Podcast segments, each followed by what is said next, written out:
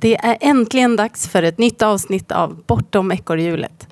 Idag så träffar vi en tjej som jag har haft äran att följa digitalt och även lära känna på riktigt. Hon har varit en stor inspiratör för mig när det gäller att eh, ifrågasätta eh, kanske framförallt den här normen att konsumera och eh, utan, att man utan att tänka på det bara köper nytt och eh, ja, men kör på i, i sitt gamla tempo utan att, att reflektera över det.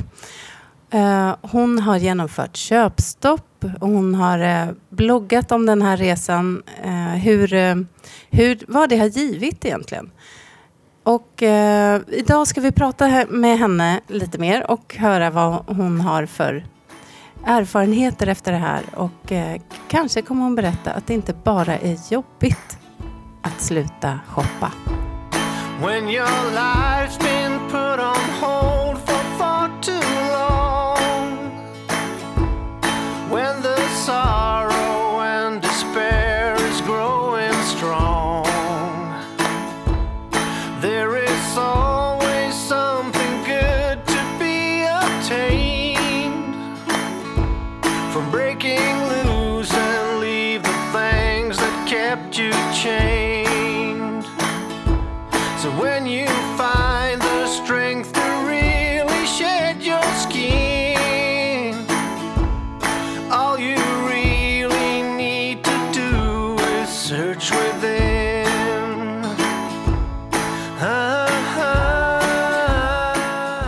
Välkommen Emilia Arvidsson. Tusen tack, det känns jättekul att vara med och vilka fina ord. Jag blir så lite darrig när jag hör dig prata om mig. Tack så jättemycket. Eh, ja, eh, jag tänkte att, eh, eller jag ska också säga hej och välkommen och jättekul att du vill vara med. Ja, men tackar. Det är ju så att du och jag sitter ju här tillsammans i, strax utanför Stockholm och sen är Katta med på distans, så som vi brukar göra ibland, ehm, från Särna. Så att ehm, vi har en liten eh, sån speciallösning idag, men det brukar funka bra. Eh, jag tänkte bara eh, om, om du ville börja med kanske att berätta lite om liksom, ja, vem du är och hur du, hur du eh, kom fram till de, de här mm, sakerna som du, eller din, vad ska man säga, din livsfilosofi. Precis. Eh, jag, eh, jag har aldrig tidigare haft köpstopp. Alltså det var en helt ny grej för mig när jag började och det var första januari 2016.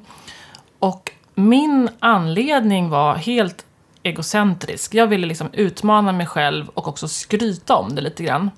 Så jag började med att, att ha köpstopp, jag tänkte i tre månader och det var redan 2015. Då testade jag, men jag tyckte att det är lite för, för vagt. Man måste ha ett helt år. Och då gjorde jag 2016. Och det jag inte visste då, det var att det skulle förändra liksom mer på djupet. Det handlade inte bara om att jag sparade pengar, utan det handlade faktiskt om att jag började syna marknaden, började syna mina egna värderingar, hur jag vill leva mitt liv, vad jag vill lägga mina pengar på. Eh, så att någonstans efter ett halvår ungefär så blev jag väldigt kritisk mot liksom, det här med att shoppa. För jag tror att man använder shopping på ett felaktigt sätt idag. Ja, alltså det är ju väldigt mycket, mm, tror jag, en, eh, en ångestdämpare. och det finns ju, alltså jag menar, det finns ju shoppingberoende och allt. Så det är väl på samma sätt som liksom alkohol eller tobak eller ja, vad det nu må vara för många. För det är ju ändå en ganska skön känsla att så här, komma hem med en kasse med liksom, nya kläder eller skor eller vad det kan vara. Alltså, ja, precis, och det, är, och det är ju precis det här som jag började liksom, att syna lite grann i, i, i sömmarna. Vad, vad händer då? Liksom? jag började titta så här, vad händer när jag köper det här och hur känns det efter en vecka, hur känns det efter två veckor, hur känns det efter tre veckor? Och så insåg jag att det, där, det, det är verkligen som du säger, att det är väldigt temporärt. Och det verkar som att det finns liksom en möjlighet till, för varje känsla som vi har, om vi är ledsna, om vi är glada, om vi är stressade, för alla, liksom, hela känsloregistret, så finns det möjlighet att gör, lösa det med att köpa den senaste prylen eller att eh, på något sätt gå in i ett köpcentrum och, och unna sig saker. Men jag tror att vi behöver unna oss helt andra grejer, som relationer, som att kunna vara i den mån det går så ostressade som möjligt för att leva liksom ett fullt liv.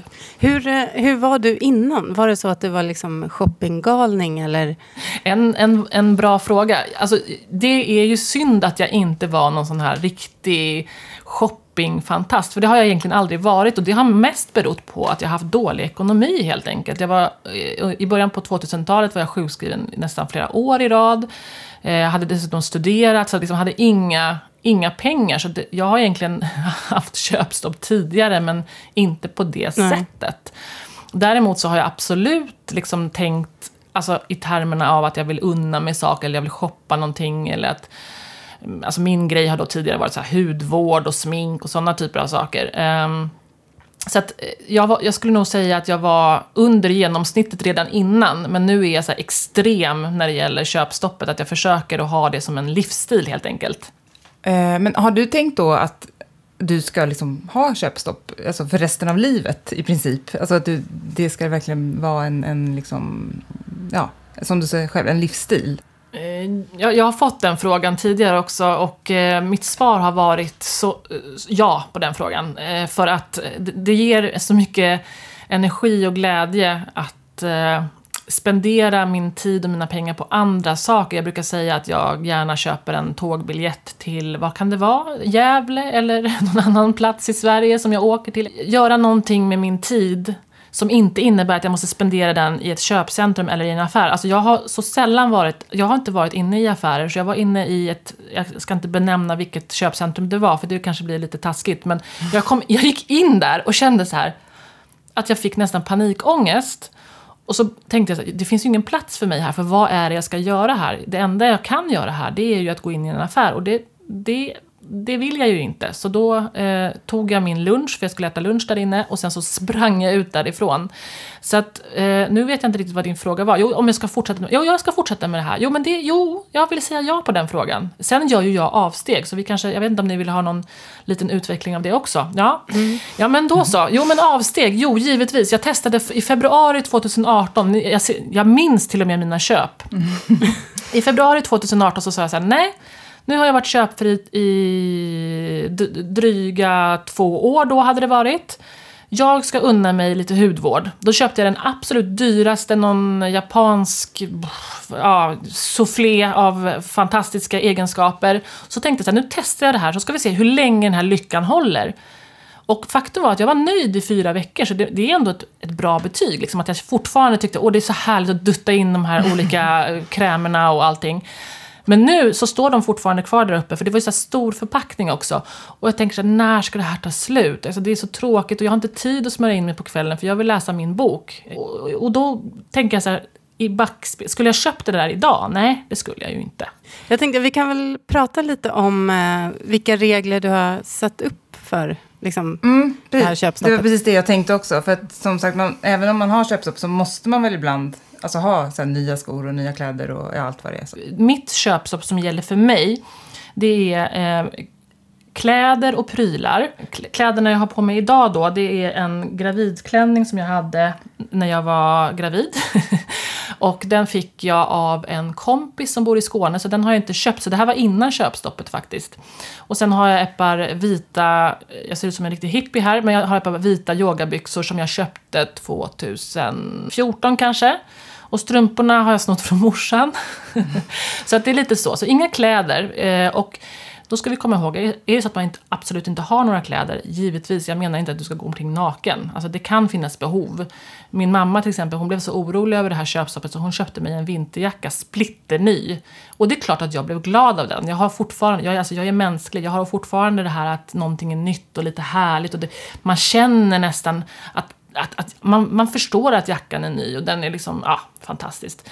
Eh, prylar har vi som sagt var hur mycket som helst här hemma och vi har ju ärvt delar av detta. Eh, så att det är inte så konstigt. Har man ingenting och börjar från scratch, man kanske är student, man kanske, man kanske inte har liksom saker Givetvis så, så, behöver man bord och stolar och alla de här sakerna för att kunna leva ett liv, men där kan man ju också välja på ett helt annat sätt idag. Det finns ju second hand, det finns ju mm, Facebook Market, alltså man behöver ju inte köpa nyproducerat. Ehm, de andra reglerna som, som är, är att jag funderar på vad jag tackar ja till, och jag tackar ja till eh, fika och restaurangbesök.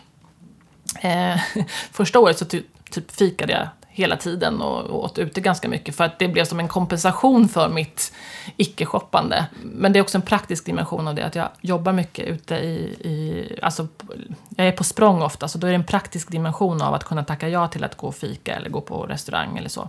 Och sen eh, tackar jag ja till tågresor inom, inom Sverige. Så det betyder att jag liksom kan resa, liksom röra mig. Och jag köper kläder till min son, men då oftast eh, i andra hand. Alltså det finns ju lite, det är ju lite regler, men, men framförallt så tror jag att man ska fokusera på vad man tackar ja till när man har ett köpstopp. Vi, vi hade ju för, vad är det, två eller tre avsnitt sedan, eh, Åsa här som gäst som har skrivit boken eh, Jag lämnar ekorrhjulet. Och hon eh, gick ju in i, i sitt, det är också i princip köpstopp kan man ju säga, så som hon liksom har, har byggt den här livsstilen kring. Och det var ju verkligen ekonomiska incitament i första hand. Eller just det här med att hon, hon ville vara hemma. Liksom. Mm. Och då för att familjen skulle klara av det, då var de ju tvungna att spara ner väldigt mycket på sina kostnader. Och då började hon med hela det här, att se över allt, liksom, hela familjeekonomin. När du började med det här, var det också liksom, främst av ekonomiska skäl eller handlade det mer om liksom, klimatångest? Eller hur, vad var den viktigaste drivkraften för dig? Eh, till en början så var det att det var en rolig, alltså en rolig grej och det funkar. Det, alltså det, det är väldigt härligt att få prata om köpstopp med andra på nätet. Alltså jag har en grupp på Facebook som, som, där vi har liksom bra samtal. Det är ju köpfritt 2019 före detta 2018. Eh, och jag livesänder där en gång i veckan. Och, och där handlar det faktiskt inte, om jag ska bara få utveckla det lite kort, där handlar det inte så mycket om så här, ah, men hur mycket sparar du och hur mycket sparar jag? Eller vad, vad är det jag inte har köpt idag? Utan det handlar mer om så här, idag så var jag med mitt barn ute i parken och jag, ja, vi kunde umgås. Eh, och det blir så fina, fina berättelser kring vad köpstoppet kan leda till. Men sen då, eh, så det, det finns en ekonomisk del i det här och det är ju att jag driver eget. Och jag älskar att driva eget, jag är liksom en entreprenör eh, i rätt mycket. Men jag har också en en, två eller tre utmattningar i bagaget, vilket också verkar vara så här en liten röd tråd i den här podden. Att folk bara, men jag har en livskris och då, då stöper jag om livet. Mm. Och det är mm. precis så här jag har gjort. Jag, har liksom, jag, är inte, jag är inte beredd att ge upp mitt frilansliv för att jag måste. Utan jag vill leva jag vill, helt, alltså jag vill helt och hållet styra eh, min vardag för min hälsas skull. Alltså jag kan bli jättetrött ibland vissa dagar och då är det okej. Okay. Och det beror ju bland annat på att jag har det här köpstoppet. För istället så har jag min lilla buffert som jag kan ta av. Jag brukar säga att jag köper tid med de pengarna. Jag köper ledig tid och jag köper jag köper att jag kan eh, gå ut och titta på fåglarna. Det kan låta väldigt eh, banalt egentligen, men det är faktiskt sant. Att jag går ut och tittar på olika fåglar och lär mig namnen och sådär. Det är mitt nya intresse just nu. Och det hade inte varit möjligt om jag behöver upprätthålla en livsstil som innebär att jag måste sprätta iväg pengar. För då behöver jag ju också jobba ihop dem någonstans. De kommer ju inte bara ut, ut från bankomaten som min son tror att det, liksom, det finns en, en oanad pott där inne som man bara kan casha ut. Så att jag, jag tror, eh, ja, jag tror för min del så har det väldigt mycket med min, min egna hälsa att göra. Mm. Långt svar. Mm. Ja, men då, jag tänkte bara fråga dig, då var det alltså så att det är de här utmattningarna som du pratade om som ledde fram till att du började frilansa eh, och liksom för att kunna styra din egen tid och, och så? Eller eh, gjorde du det redan innan? Jag, fri, jag, eh, jag började frilansa i väldigt liten, eh, lit, alltså, vad kallar man litet omfång till en början. Det är alltså här, när man precis är ny, man har fått den där F-skattsedeln så sitter man där och funderar lite så här, bara, vad är det jag ska göra, vad har jag för affärsidé?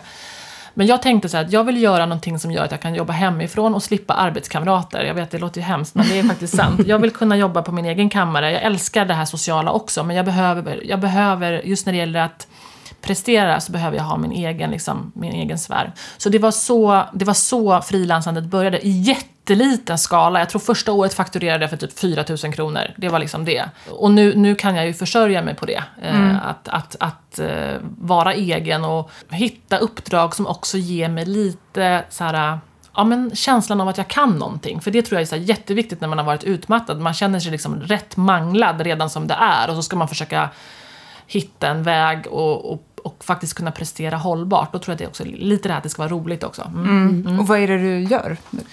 Precis. Eh, jag jobbar eh, med att bygga onlinekurser för, för, för företag. Alltså mycket så manus och textskrivning och då samarbetar jag med min syster. Så hon är medieutbildad så hon kan både göra film och ljud och, bild och hon är, alltså utan henne så, så, är, det, så är det rätt kört kan jag säga. Det är som för mig då. Ja, ja precis. Och sen jobbar jag som moderator, så jag eh, älskar att hålla låda och prata och, och, intervjua folk. Och då jobbar jag med en mässa som heter Allt för hälsan. Då bygger jag deras huvudscen, både program och att bjuda in författare, vilket är så här, ett fantastiskt jobb faktiskt, att få träffa alla de här människorna. Och utöver det så, eh, så blir jag i höst faktiskt eh, författare. För, för, för, ja, jag, jag, snubblar över orden här, så här för, för, för författare, men för man vågar ju knappt ta orden i sin mun här. Men, men jag släpper en bok om, om, eh, om klimatet. Du bor ju utanför Stockholm. Men eh, mm. du rör dig ju en, en, del i stan. Du säger att du är på språng och, och fikar och sådär. Känner du fortfarande av eh, impulser från alla budskap? Och liksom, eh, eller eller har du, har du liksom vant dig av med det?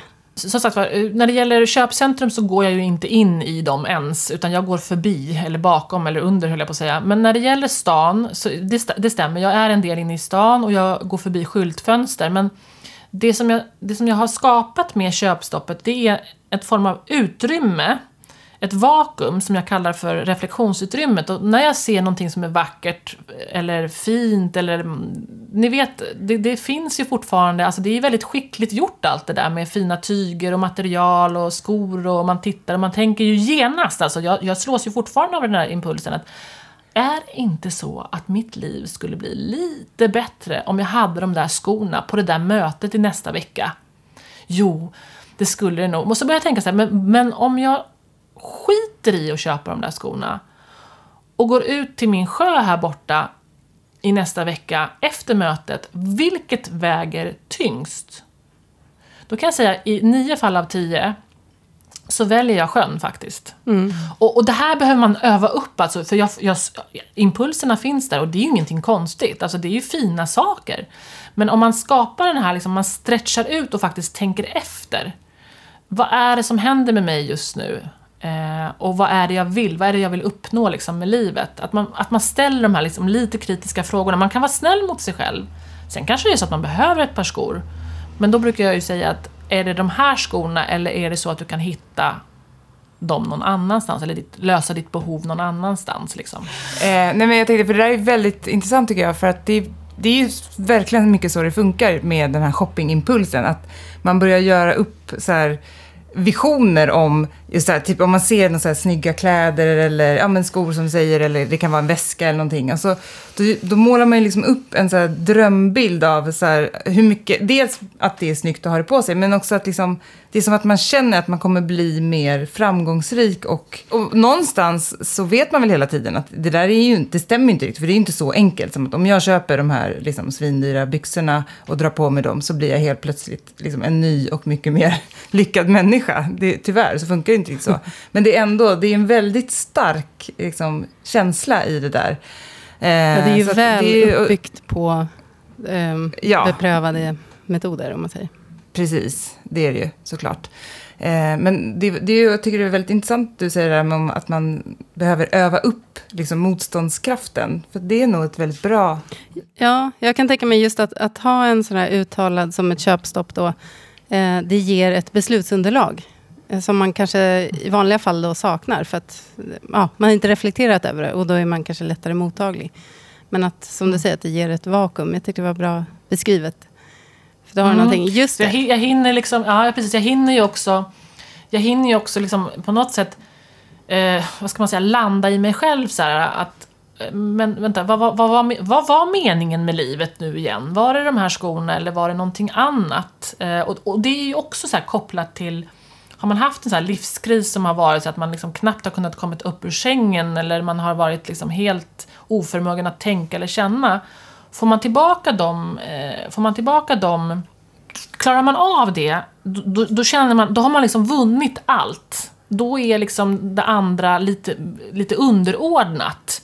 Så jag skulle verkligen starkt rekommendera en kris eller två eh, för att underlätta sitt köpstopp. Liksom. Och det, faktum är att i den här gruppen på Facebook så, så är det många som just vittnar om eh, alltså den här att jag, jag, känner, jag känner, känner mig tom eller jag känner mig jag känner mig så trött och jag, jag orkar inte, jag orkar inte liksom. Och så känner de med, med ett köpstopp så får de i alla fall ett utrymme att göra någonting annat än att liksom lösa sina problem med plånboken. Mm.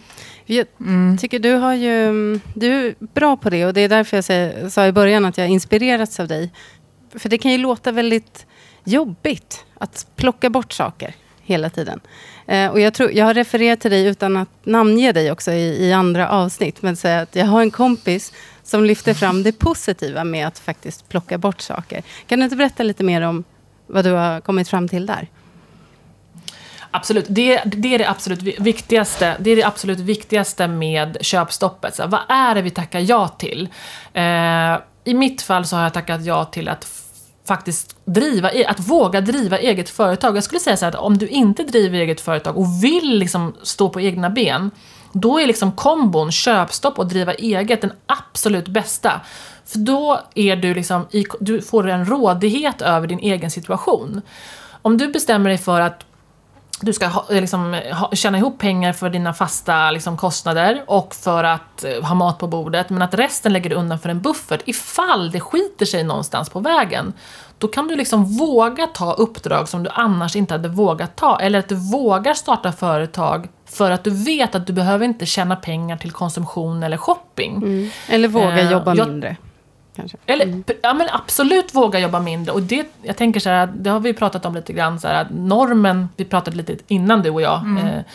eh, eh, normen kring liksom 40 timmars veckan eller varför inte säga 60 timmars veckan som gäller för vissa. Det är ju, vem är det som har sagt Vem är det som har sagt att vi ska jobba så mycket? Vem är det som är Vem har den taktpinnen? Vem är det som bestämmer det? Är det kanske facket? Eller Nej, vad kan jag har hört att det, att det grundar sig i en uppdelning av dygnet. Om det var vid liksom industrialiseringen, att det var liksom, liksom åtta timmars ja. vila, åtta timmars sömn, åtta timmars arbete. Eh, ja. Så har det liksom satt sig. Okej, okay, men alltså jag blev inte tillfrågad liksom, vad jag tycker. inte jag heller. Alltså det, och, och det är liksom jätte... Jag tycker det är lite synd därför att nu skulle vi prata om det positiva, men jag ska bara säga lite kort att jag tycker det är lite synd att det är någon som har sagt någonting för en herrans massa år sedan och så köper alla det. Mm. Vi bara köper det och liksom, åh, jag, jag, ska, jag ska jobba 100%. Men varför gör du det? Vem är det? Är det för att alla andra, alla andra gör det? Men om alla andra jobbade 50% skulle du också jobba 100% då? Nej, förmodligen inte liksom.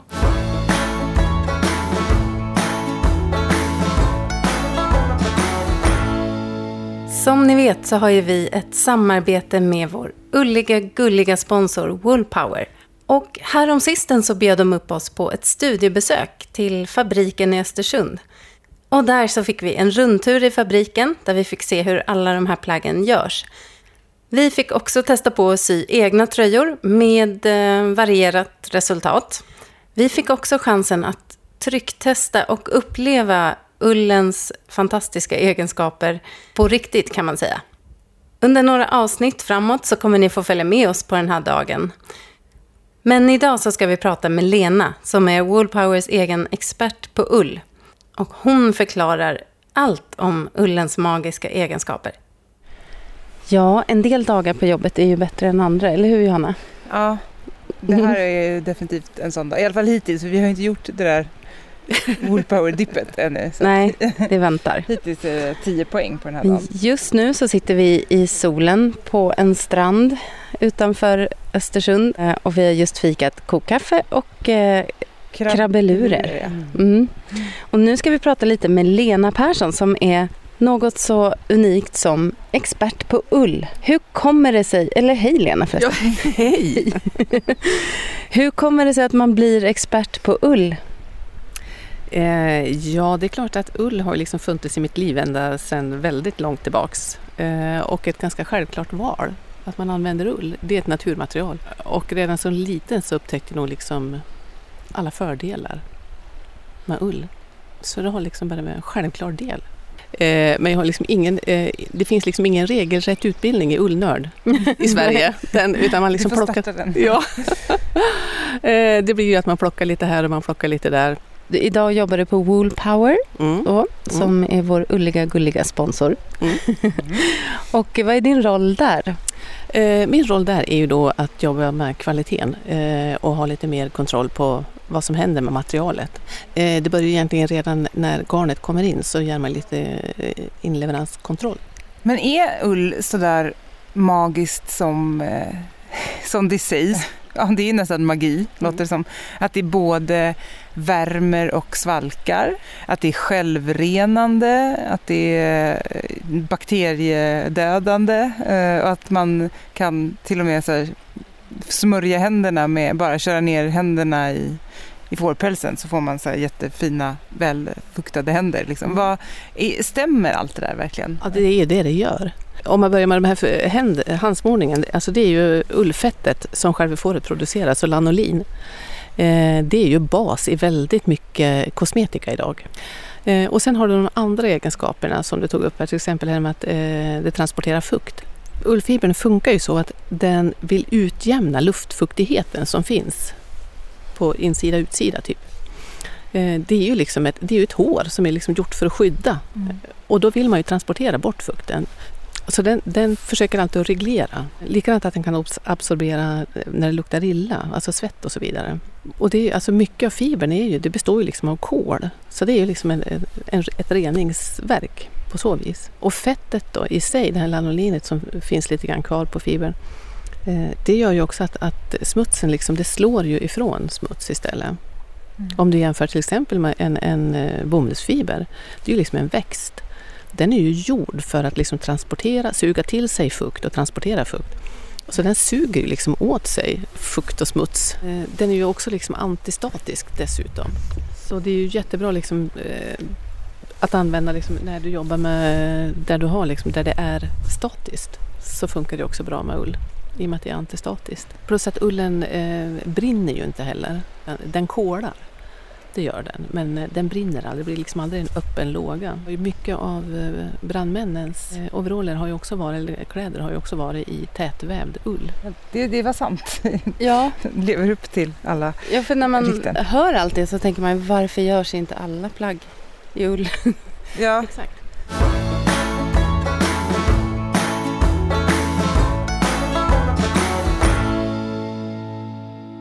Du är så bra på att lyfta det positiva. Jag tror vi behöver prata mer om det. Att vi inte bara plockar bort saker, utan man vinner ju någonting på det också. I en ny ekvation.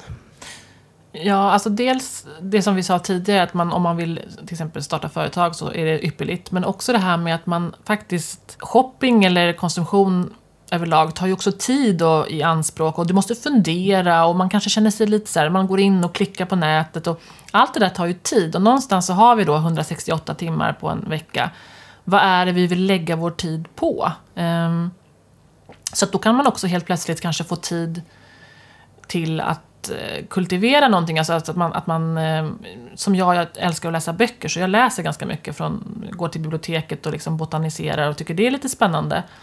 Medan andra kanske har något hantverk eller liksom någonting man vill göra. Eller, eller att man vill lära sig någonting. Idag kan man lära sig saker utan att liksom, det finns ju all, all, all möjlighet att lära sig på egen hand. Så jag tänker också att man faktiskt fund, att man går, man går ut, för, alltså utanför den här marknaden, eller vad man ska kalla det för, och tittar, alltså man lyfter blicken lite grann och tänker så här, vad är det jag tycker om egentligen? Om jag inte shoppar, vem är jag då? Vem är jag om jag inte köper de här sakerna? Vem är jag som person? För att vi, vi behöver skala av lite, för vi har liksom blivit, vi har fått marknaden, den har liksom gett, blivit given till oss, men vi vet inte riktigt hur vi ska, vi vet att vi ska handla där och vi ska liksom på något sätt göra någonting och vi ska ha lite saker och sen så ska vi, när vi är klara med de här sakerna så inser vi att oj vad mycket kläder, jag måste åka till tippen. Eller eh, ja, jag har så mycket saker, jag måste åka till tippen. Och så egentligen så är det så att vi jobbar för att sen åka till eh, tippen. Eh, så att de pengar som vi tjänar, i slutändan så hamnar dina saker på återvinningscentralen. Är det så vi ska liksom konstruera våra liv? man, man eh, orkar knappt tänka på det. Men det där sjuka i att man går och bara köper, köper, köper grejer som man sen har jättemycket ångest över att man har hemma. Och att man har, för alla, jag känner ingen som inte tycker att de har för mycket grejer hemma. Liksom. Herregud, vad är det vi håller på med? Ibland när man liksom tar ett steg tillbaka så det, det är ju verkligen jag har ett exempel. Jag åkte till faktiskt till återvinningscentralen häromdagen. Och en av de sakerna som jag slängde i elektronik, de har en sån här samling för elektronik, det var ett, ett, ett tangentbord som jag köpte för kanske, kanske tio år sedan. Och när jag skulle köpa det där tangentbordet så var det väldigt tydligt för mig att det här behöver ju jag. Men sen så visade det sig att jag har ju inte ens använt det där tangentbordet och det kanske kostade 400 kronor. Och så började jag räkna på det, 400 kronor, ja efter skatt, ja men det kanske är en timmes jobb då. Så att jag har jobbat en timme och sen åkt med skiten till tippen. Alltså för mig eh, är det faktiskt helt vansinnigt. En timme som jag skulle kunna gått och hämtat min son tidigare på förskolan eller umgåtts med min man. Eller träffat en kompis. Eller mediterat eller vad som helst. Eh, så det är därför jag också säger hur vi bedömer vår tid, vad vi gör med vår tid, vad vi fyller vår tid med hur vi kan köpa loss tid genom att kanske lägga undan lite grann och vara lediga. Det kanske främjar vår hälsa förhoppningsvis. Tittar vi på sjukskrivningstalen, nu blir det negativt igen, jag visste det. Jag visste det. Men faktum är att vi har väldigt många som är utmattade och stressade. Och jag tror att livsstilen med shopping faktiskt har en liten... Det finns en konsekvens däremellan, alltså det finns en, en, en korrelation däremellan. Eh, och jag hoppas att man liksom vill om man vill förändra, att man faktiskt tittar på hur man använder sin tid och sina pengar. Liksom. Jag tror... Eh, det här är ju mycket en podd som bygger på det känns som och vi tror att... Magkänsla.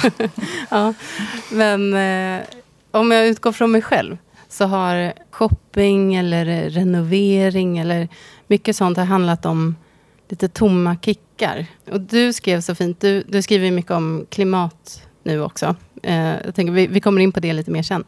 Men du har skrivit en mening som jag tycker är så, så bra. Att, eh, att förändra sig för klimatet behöver ha bäring i våra liv. Behöver ha en mening. Behöver kännas bra. Och jag tänker just på det där med att hitta meningsfullhet. Och det, det gör man ju oftast. För utan den känslan så, så tror jag vi blir, eh, har lättare att bli deprimerade. Och mening byggs ju oftast med relationer eller ett högre syfte som man brinner för och så vidare. Men att vi kanske har vaggats in i att alltså, vi ska hitta mening i shoppingen. Alltså att liksom förbättra oss själva på ett kanske mer ytligt plan. Vad, vad är mm. dina tankar kring det? Ja, Eh, absolut. Jag, jag, tänker så här, tid, jag har varit väldigt intresserad av det här med hur, hur blir man lycklig och hur, hur, hur, ska jag göra så att mitt liv blir lite, lite bättre ändå, liksom själsligt på något sätt. Och det är ju förstås då återigen kopplat till min utmattning. Att det är klart att jag, jag jagar ju precis som alla andra, man vill ju på något sätt må bra, men det där med mening tycker jag är egentligen det som som driver mig lite grann. Att känner jag att någonting är meningsfullt, ja men då fortsätter ju jag. Lycka, det kan ju vara lite sådär det, det kan vara lite sådär svårt att fånga in eller hitta nu är jag lycklig och så blir man så stressad över det. Hur länge ska det här vara på något sätt? Men mening är liksom, det kan, det kan ju vara, alltså den, den kan ju faktiskt puttra på rätt länge. Alltså känna, att känna mening behöver inte ta slut faktiskt. Men lycka är ju väldigt sådär, upplever jag det som en, en kort en kort grej, en, en, någonting som händer just nu och man känner sig uppfylld av det. Men meningen, det, för mig är det liksom så balanserat, en balanserad lycka kanske, jag vet inte.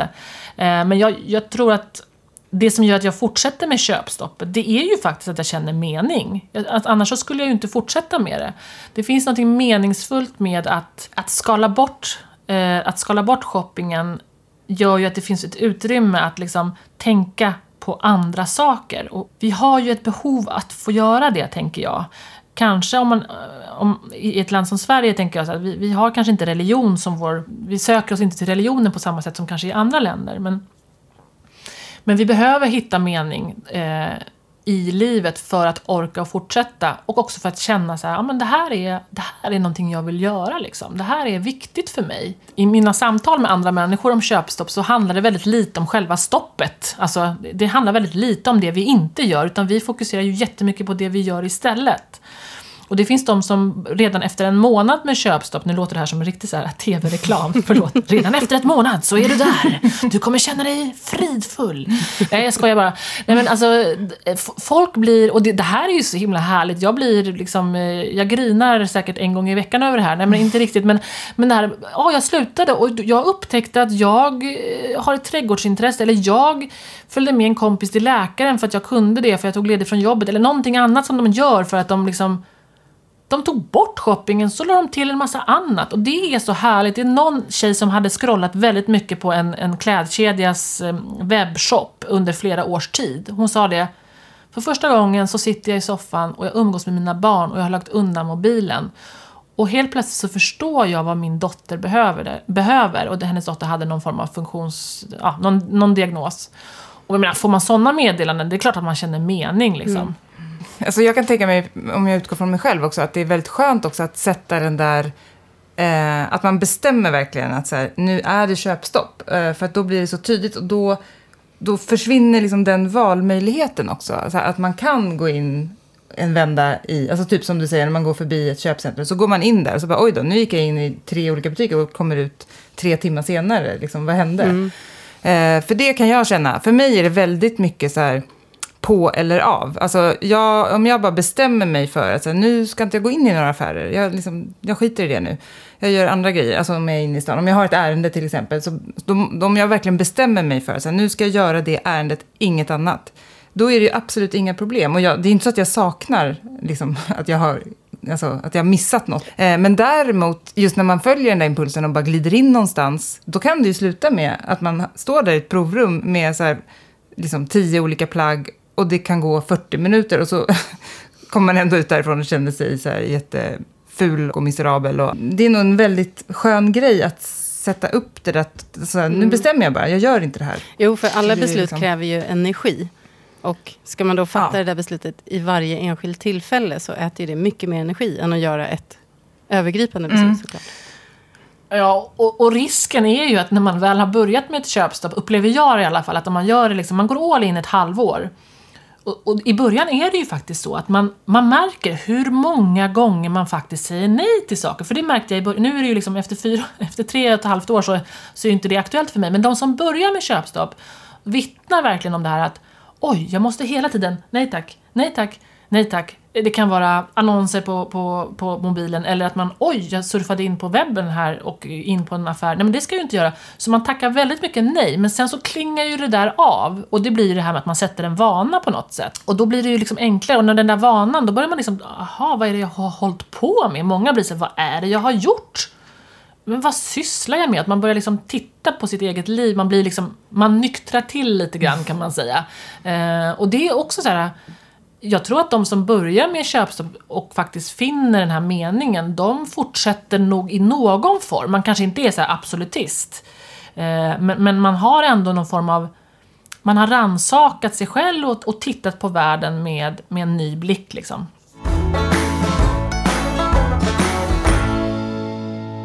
Det här har ju också bäring på klimatet. Det är ju liksom högaktuellt nu, bland annat då att dra ner på konsumtionen. För vi lever ju inte särskilt hållbart i, i, i våra delar av världen, om man säger så. Och det är ju någonting som du också har har du liksom snubblat in på det via köpstoppet? Eller hade du med dig det här in redan när du började? Jag hade faktiskt ingen tanke på klimatet när jag började med köpstopp, utan eh, det kom eh, smygande. Eh, kanske att, att jag har varit lite mer klimatmedveten det senaste, skulle jag säga, året.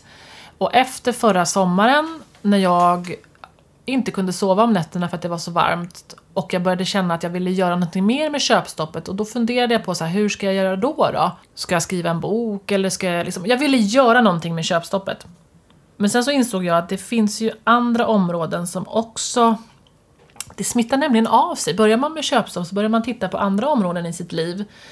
Och då såg jag så att jag började bli intresserad av eh, miljöfrågan och klimatfrågan på ett sätt som jag inte varit intresserad förut. Och det var ju en väldigt härlig bieffekt tycker jag, för att helt plötsligt så började jag liksom söka mig till kunskap.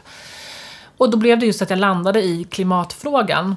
Eh, den är ju så superstor och supersvår. Mm. Eh, men men mitt, mitt angreppssätt var att jag ville hitta så här, jag tror någonstans att det är viktigt med en folkrörelse. Att jag, jag vill göra saker som känns bra för eh, klimatet men också för mig själv och känna att jag ändå är så här rådig. Jag älskar ordet rådighet. Det var någon forskare jag pratade med för ett tag sedan. Han, hon använde just det här. Då eh, insåg jag att köpstoppet har ju väldigt mycket med klimatet att göra också. Alltså vår konsumtion eller hur vi använder våra pengar, våra tid och liksom hur resurser används.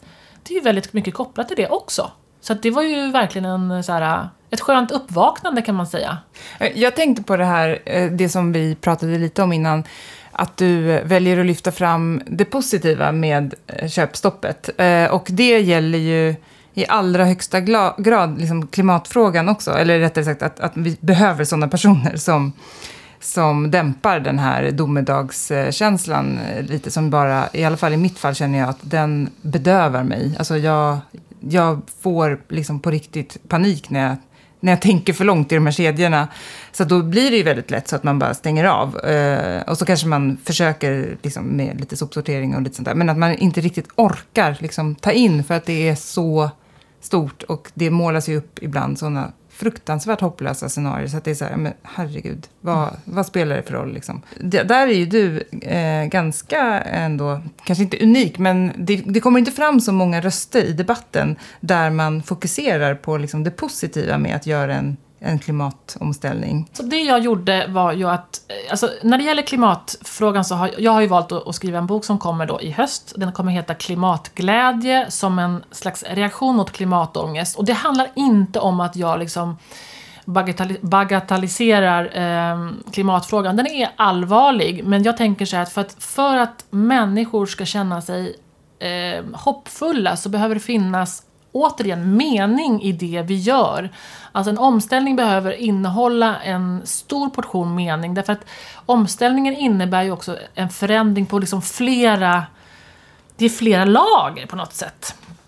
Och jag har ju då testat att vara lite mer klimatvänlig i, i den här boken. Så jag går all in och testar åtta olika projekt jag ska inte avslöja alla kanske, men eh, bland annat det här med då eh, bilkörning. Nu får ni hålla för öronen tjejer om ni tycker det blir jobbigt, men så här är det va att bor jag här i, i Vendelsö som jag bor, så undrade, jag ställde mig frågan så här, skulle jag kunna klara mig utan bil? Och då, testade, då har jag testat det. Svaret är ja, det, det kan jag. Alltså jag bor i Stockholm. Vi, vi har liksom sjukt bra kollektivtrafik, vi har vi har alla möjligheter att, att, att kanske inte ta bilen lika ofta som vi gör. Jag blev jätteinspirerad av det här och jag har alltså storhandlat med den här Dramaten som står här som du kanske ser Johanna. Ja. Den är lite skruttig den där Dramaten, den är från kanske början på 2000-talet. ja, och jag har svurit över det där. Jag fick åka till, till ICA Maxi här. Vill jag handla på ICA Maxi så, så, så kan jag få göra det. Och ja, för det ligger då längre bort? Det ligger längre bort, det är inte mm. jättesmidigt. Jag måste ta ibland två bussar. Men så upptäckte jag en buss som går direkt till ICA Maxi från mig på 10 minuter. Det är en sån här buss som inte går så ofta. Ja, men då får jag väl planera och ta den när den går. Och jag har alltså, bara för att vara envis så har jag ju handlat sjukt mycket då den gången. Eh, och det slutade med att Dramaten gick sönder, hjulet hoppade av. Jag hoppar av från bussen, är sjukt stressad, det är fullt bussen på vägen hem. Jag kommer hem till busshållplatsen här uppe, det är ungefär kanske 700 meter, och ringer min man och säger ni får komma och hämta mig nu, jag orkar inte gå ett steg till. Så de kommer med en eh, barnvagn och min son, packar hela vagnen full, det ser inte klokt ut. Men ja, det går. Sen kanske man inte behöver handla sådär mycket varje gång, och det är också en klimatgrej. Vi handlar för mycket mat, som vi sen slänger. Det är ju inte så smart kanske alla gånger, så att om jag nu ska handla så handla lite lagom, Packa inte hela Dramaten full, se till att planera lite grann och se till att äta upp maten som du har köpt. Så det där liksom att vi ska storhandla, det är egentligen bullshit om jag får säga det lite fula ord här. Men det är, det är bara en, en, en, en illusion av att vi ska fylla våra förråd med sjukt mycket mat och sen så hittar vi den där maten, någon gammal squash eller zucchini som har kanske antagit en annan form i kylskåpet som inte, det går inte att äta upp den. Det låter bekant. Eh, det låter bekant. Så jag, jobba, jag har jobbat jättemycket med under hashtaggen matsvinnskampen bland annat. Som också har varit ett experiment där jag försökt att minimera vår, eh, vårt matsvinn. Och det, det är en av mina så här hjärtefrågor. Jag tycker det är helt sjukt egentligen. Att vi ska ta en bensindriven bil och åka till ICA, sen ska vi fylla den där maten, och ska vi komma tillbaka med den och så ska vi trycka den i kylskåpet som drar el och sen så ska vi slänga maten. Ja, det var ju lyckat. Mm. så det är lite sådär att testa sig fram. Så att jag tänker att när det gäller en omställning så behöver man ha lite tid. Och det har vi ju pratat om att ett köpstopp skulle ju kunna leda till lite mer tid. Så att har vi lite mer tid så tror jag att vi fixar klimatomställningen. Mm. Långt svar. Men det är ja. egentligen inte så jättelänge sedan som, som vi var lite mer obekväma och planerande i Uh, alltså bara när vi var små, Johanna, och vi skulle åka till Särna, så hade vi ju alltid matsäck med. Man stannar vid någon picknickplats längs vägen och åt, till exempel vi behöver inte backa bandet så jättelångt kanske för vissa av, av de här grejerna. Jag önskar att jag hade namnet på den forskaren. Eh, det finns i alla fall en, en person som, som jag lyssnade på på Youtube och han sa det att eh, kan vi, kan vi minska våra utsläpp och samtidigt behålla samma nivå? Och vilken nivå ska det vara liksom, av bekvämlighet? Och han sa att vi skulle kunna klara det här med 1990 års liksom, bekvämlighet det skulle vara liksom någon, slags, eh, någon slags mått på, hur ska vi ha det då? För jag menar, bekvämlighet och välfärd och, och hela den här biten har ju också ett, ett pris, tänker jag. Men, men den här bekvämligheten och hela den här liksom ruschen av att allting ska vara liksom så instant. Du beställer något på nätet och du blir irriterad för att inte liksom varför har inte lådan kommit än liksom? Mm. Det ska vara så snabbt allting. Och det, men jag tror också att den här snabbheten och allting gör att vi glömmer bort liksom att människan i sig är liksom lite begränsad och behöver lite, liksom, lite ramar och lite struktur och lite den delen av eh, den här långsamheten. Jag, jag, tror vi, jag tror vi skulle må bra av det. Men, men det jag tror också, det som kanske har ökat väldigt mycket, det är väl kanske flygresorna, tänker jag. Sen, alltså 1990 skulle man flyga till någonstans, att det kostade nog en, en rejäl peng. Det var inte så att man tog flyget bara över helgen någonstans på en weekend, utan då, det fanns en prislapp. Och det tror jag också så här, jag tror ju jättemycket på det här med styrmedel och den typen av att vi måste hjälpa konsumenten att vara hållbar och klimatsmart. Jag, menar, jag tittade till exempel på, på Eh, när jag hade den här bil, bilfria månaden så tittade jag på så här, men okej, okay, jag, vill, jag skulle undra om det finns någon bilpool här då? Alltså skulle jag kunna liksom vara lite bekväm och jag, jag skulle vilja ha bil ibland, eller jag behöver, inte vilja ha, utan jag behöver ha eh, bil till exempel om jag ska till, åka till, till återvinningscentralen och slänga allt som jag har köpt. ja, eh, ni förstår. Eh, så att, men då, då, då fanns det ju jättemycket så här elbilspooler inne i centrala Stockholm, men ingenting ute i Vännelsö. Och då blev jag lite sur, för jag tänkte så här, i, i centrala Stockholm då finns ju all möjlighet att ta både buss och tåg och tunnelbana. Medan här ute så liksom, man puttar mig som konsument i den riktningen att jag ska köpa en bil? Varför kan vi inte putta mig så att jag liksom tar ett mer hållbart beslut? Eh, så jag tror jättemycket på att vi behöver styra om och, och, och, göra det enkelt för mig att vara klimatsmart. Inte bara jag då, utan jag tänker resten av befolkningen också. Det, det, det skulle vara jättehärligt om vi faktiskt hade lite så härliga lösningar på eh, att vara klimatsmarta. Att det, att det ska egentligen inte vara ett beslut, utan det är det som finns liksom, att tillgå på något sätt i det fallet så skulle det kanske vara politiska initiativ då. Och, alltså, och där känns det som att det hela tiden släpar efter. Liksom. Att, att det når ända upp till toppen tar liksom lite för många år och det är jättesvårt. att... det ser man ju bara på liksom Parisavtalet. Och att det blir också ganska urvattnat till slut när så många ska enas. Så att där känns det som att ja, man kanske inte riktigt kan hoppas på att, eh, att eh, de ska komma ikapp. Mm, det där, uh. Jo, men det, min utgångspunkt är ju att jag, jag, tror ju jättemycket på att vi själva måste välja. Och, och, och det jag liksom marknadsför då i och med klimatglädjen, det är så att men försök att tänka lite själv och försök att tänka vad du kan göra. Men försök också göra förändringen med lite så här, lite tålamod, för det behövs tålamod, men också så lite nyfikenhet. Jag menar, jag, jag, jag käkade veganskt nu under den här perioden då när jag skrev boken och första veckan var ju horribel och inte för att det var något fel på maten utan det för att förändringen var så fruktansvärt jobbig för mig. Att liksom tänka i nya banor. Det var verkligen som att man tog ut hjärnan och liksom vred ur den på något vis och sen stoppade tillbaka den och så skulle jag försöka göra något vettigt av det där. Men sen efter två veckor när jag hade ätit mer växtbaserat så insåg jag så här, men jaha, ja, det var väl inte hela världen liksom. Och nu äter vi kanske 50% veganskt 30% kanske fisk och sen, alltså vi försöker pussla. alltså jag är jättemycket grön, alltså grönsaksmänniska nu så får min man stå för köttbiten. Som, jag kan ta ett exempel bara, att han, vi har en kalvfärs nu som är i vår kyl. Jag är inte jätteglad över det, men nu har han köpt det och det är klart att nu är ju maten här och vi ska inte slänga den. Så vi ska göra, och han bara, men det kanske inte räcker till alla oss, vi ska ha gäster ikväll. 400 gram, kan inte det bli ett tillbehör istället? Att man liksom försöker tänka lite nytt och liksom komponera på ett nytt sätt. Så med liksom nyfikenhet och med, med känslan att, att jag själv har valt det här.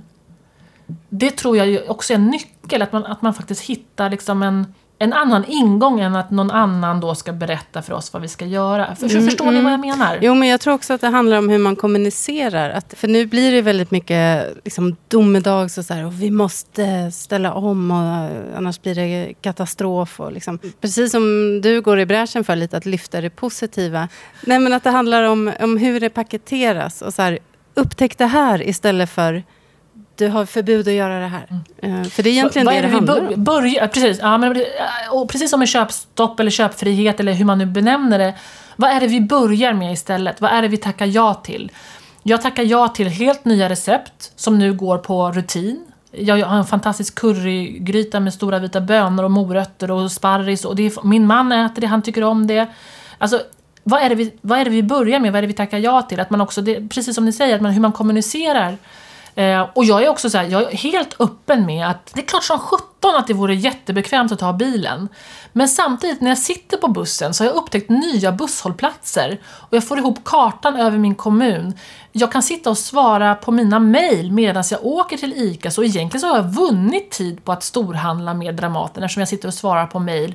Försöka förklara liksom vinsterna i nu är det extremt att åka, åka och storhandla, jag inser ju det själv. eh, och jag har redan fått folk som tittar konstigt på mig. Men, men faktum är att det finns folk som gör det. Alltså, det är inte så att jag är unik med min Dramaten. Jag ser jättemånga på den, för det finns nämligen en busshållplats där. Det är äldre människor, det är människor som kanske inte har råd att ha bil. Den största klimat den största klimathjälten, det är inte jag som bor här i mitt parhus på Vändelsö, utan det är den som inte har någonting. Alltså den som inte har som, som inte har råd att ha bil, som inte har råd att eh, flyga, som inte har råd... Alltså all, det, inkomst är ju den största, en av de största faktorerna för att man, ska, att man är klimatbov. Liksom.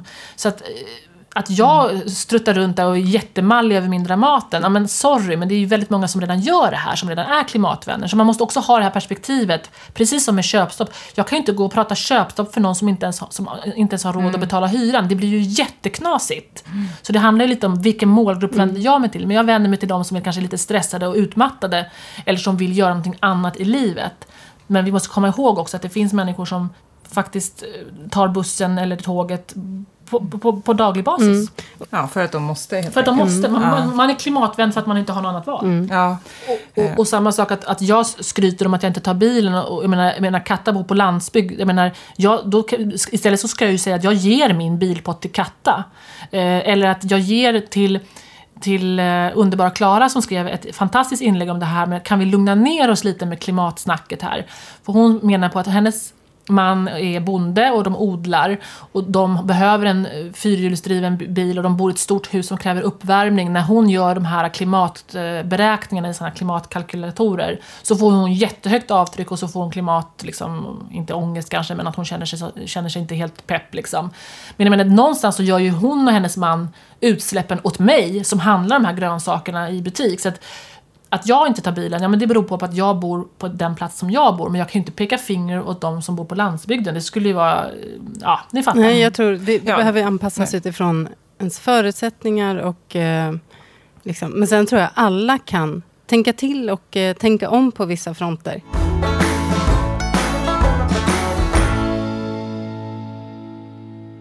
Det här med att alla behöver eh, göra, gör anpassningar som kanske passar dem liksom, och deras liv och inte känna att man måste ta hela, hela kakan på en gång och, och liksom göra en så total omställning. För det blir ju lätt lamslående. Det, det är då man hamnar i det där läget att man bara, och jag orkar inte och så bara kör man på. Liksom. Du har ju ändå liksom läst på ganska mycket och du har skrivit den här boken. och ja, du har haft ditt köpstopp ganska länge. Om du skulle ge liksom, eh, tips till några som kanske är i den situationen att man, man har inte tillräckligt tid, kanske inte riktigt tillräckligt engagemang för att verkligen här, ställa om hela sitt liv. Var ska man börja någonstans och vad ska man göra som är liksom, ganska enkelt? Här fick ju 10 000 kronors frågan med en bredd utav det. Ja, men så här tänker jag. Eh, om man vill göra någonting så finns kunskapen redan där ute. Så om man, man kanske brinner speciellt för något område. Låt oss säga att man faktiskt är lite nyfiken på maten. Då skulle jag, eh, då skulle jag liksom ge det lite tid ändå. Alltså mat måste vi ju ändå äta. Alltså det är någonstans en grundläggande grej. Eh, men att man tar till exempel en, en vecka och tänker sig att nästa vecka vill jag börja med att en dag i veckan testa att äta växtbaserat. Jag hittar ett recept. Och så bygger man på det där lite grann successivt. Det finns jättemycket inspiration där ute. Det finns ju eh, den här Gustav Johansson, Jävligt gott.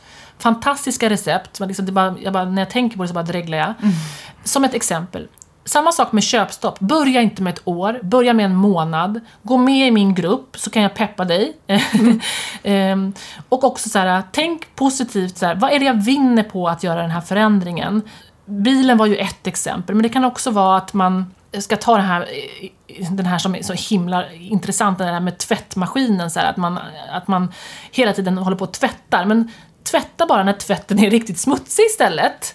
Kör ekoprogrammet och jag menar då, om du inte tvättar lika ofta, du drar inte lika mycket el, du behöver inte sortera tvätten lika mycket. Alltså, du vinner tid.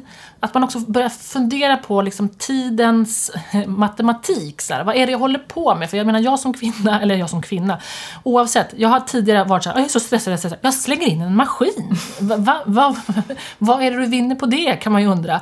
Men det är det här liksom att man, man tror att man gör någonting. Men att man liksom taggar ner lite grann och funderar på liksom hur man använder sina resurser. Eh, nu kanske det här med tvättmaskinen var liksom ett lite snedspår, men, men, men i alla fall. Små, små förändringar. Börja med någonting och testa en dag, en månad, prata, refle alltså reflektera med andra. Det är det här jag tycker är positivt med sociala medier, att man kan faktiskt ställa en fråga och få svar ganska snabbt. Men skippa klimatångesten, därför att jag tror så här, och det, det, jag tittar bara på mig själv, att det händer otroligt mycket saker just nu på klimatfronten. Och vi har inte hela bilden klar för oss. Vi kan inte ha den överblicken. Men det blir lätt att man har riktade eh, kampanjer som, som får en att man, man baxnar ju inför det. Men vi ska göra det på ett sätt som om det vore möjligt. Vi ska förändra oss för klimatets skull som om det vore möjligt. Det är en filosof som har sagt det här. Alltså den känslan att faktiskt tänka så här, det kanske faktiskt är möjligt. För många mm. säger så här, det är redan kört. Mm. Men om man tänker så här, som om det vore möjligt. Då öppnar det upp för förändring.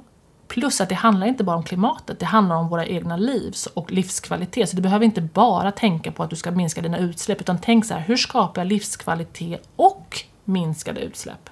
Nu, du finns ju som en inspiratör på det här området. Eh, kan du tipsa om fler liksom, kanaler och forum med, med den här med konstruktiva och hoppingivande inriktningen? Eh, Therese Zetterqvist som har en YouTube-kanal, eh, henne har jag precis börjat följa. Eh, hon, har också, hon sprider klimatfakta. Hon pratar om att vi ska rösta, så det vill jag också säga. Nu finns det inga ursäkter, vi går och röstar den 26 maj, eller förtidsröstar. Mm. Men visst är det så att du har, du har eh, alltså, lagt upp lite sådana här tips i din blogg, såg jag, eller hur? På olika... Ja, ja man kan hitta, alltså jag brukar tipsa om, eh, precis, Johanna Nilsson, förlåt mm. nu, nu kommer det. Ja. jag tappade tråden. Johanna Nilsson eh, som har slow fashion. Hon har ju hållbarhet och mode. Eh, sen har vi eh, Alejandra Serda, tror jag hon heter, som har också en hållbarhetsblogg. Men vi skulle väl kunna göra så att jag kanske sätter ihop en liten lista Absolut. och så, så kan vi eh, dela med den av, mm, mm. av på era kanaler. Mm. Ja, och även hos dig då som man hittar på på mig hittar man på att, eh, enemilia.se på Instagram, enemilia.se på webben. Och sen så finns det då Köpfritt-gruppen som heter Köpfritt 2019 för detta 2018. Lägg gärna till mig på LinkedIn, på alla kanaler. Eh, jag blir jätteglad om ni lägger till mig.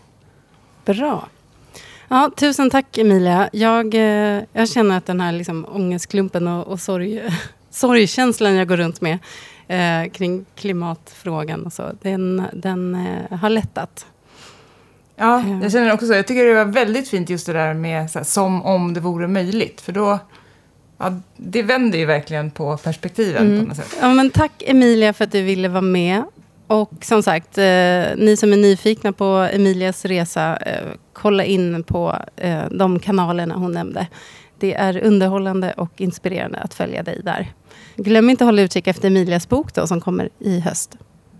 Nej, just det. Vi, eh, vi kan ju också hålla utkik efter den och eh, Mm. tipsa om när, när den har kommit sen. Mm. Och du, du är med i vår grupp, va, Emilia, på Facebook. Jajamensan.